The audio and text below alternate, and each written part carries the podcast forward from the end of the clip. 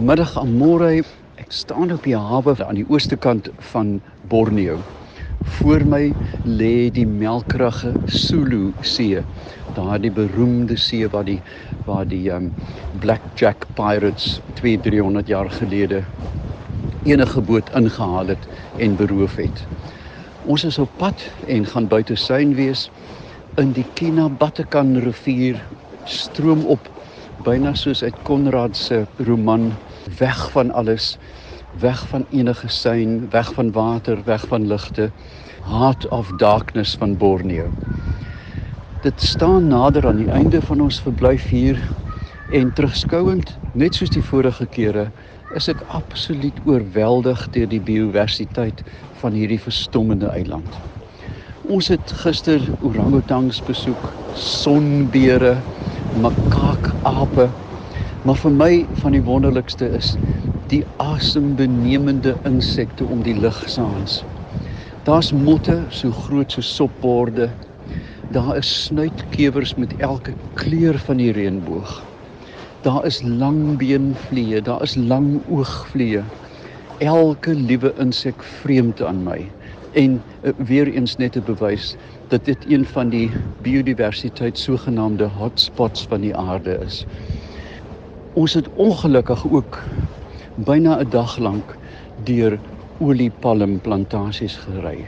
En hier lê die hart van die probleem dat jy kan nie oliepalms hê en orangutangs nie en stukkie vir stukkie word hulle Lebensraum soos die Duitsers sê weggekap en daar bly bykans niks oor nie.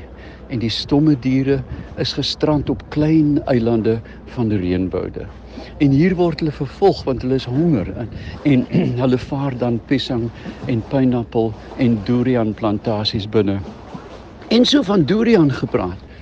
Het julle geweet dat durian is 'n vrug wat so stink dat dit in geen hotel of taxi toegelaat word nie. As ek die smaak van durian moet beskryf, dan is dit soos maaskaas wat effens muf geword het wat jy in 'n waterstewel, 'n gumboot gehou het. Dit is afstootlik tot dit in jou mond beland.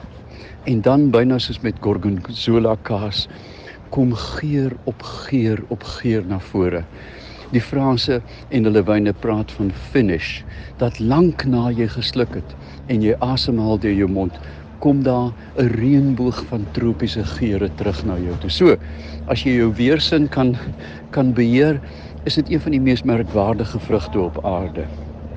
Ons het lekker geëet amore. Jy kan nie dink nie. Elke maaltyd is 'n reënboog van vars groente die beroemde Chinese eh, slaaie wat liggies liggies in olie gaar gemaak is, gewone grondbootjie olie en dan natuurlik ook tipies oosters wonderlike curries. Wat my ook tref van hierdie eiland is dat ons wortels van die Kaapse Maleier kultuur lê hier. 'n Pisang is hier 'n pisang. Hulle praat van eh, daar's 'n kafeetjie met die naam Pondok. Ek het so dit het my so vol heimwee gemaak na die rykdom van ons taal wat wyd geleer eh, geleen het. Nie net by die Europeërs nie, maar ook by ons oosterlinge wat na die Kaap gekom het uit Batavië. Ek ek, ek probeer woorde soek vir die malse verskeidenheid van wat 'n mens hier sien. Alles die bome groei, jy kan hulle hoor groei. Die groente staan welig en bovenal die mense is vriendelik en ruimhartig. Hulle is hoofsaaklik moslems, maar wat jy doen as jy groet, plaas jy jou hand op jou hart en as hulle te agterkom dat jy hierdie geringste gebaar um, as eerbied aanbied, blom die glimlagte om jou en almal buig en lag. Soos altyd aan môreis aan die einde van 'n reistog, dink ek aan twee dinge.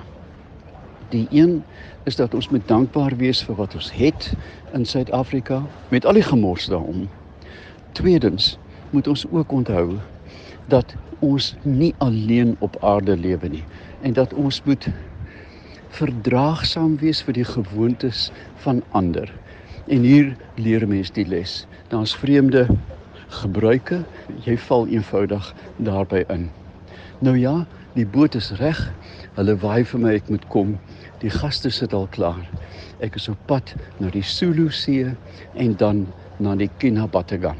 Kyk gerus na my Facebookblad waar ek van hierdie fabelagtige fondse gepos het. Veel liefde en groete aan julle almal.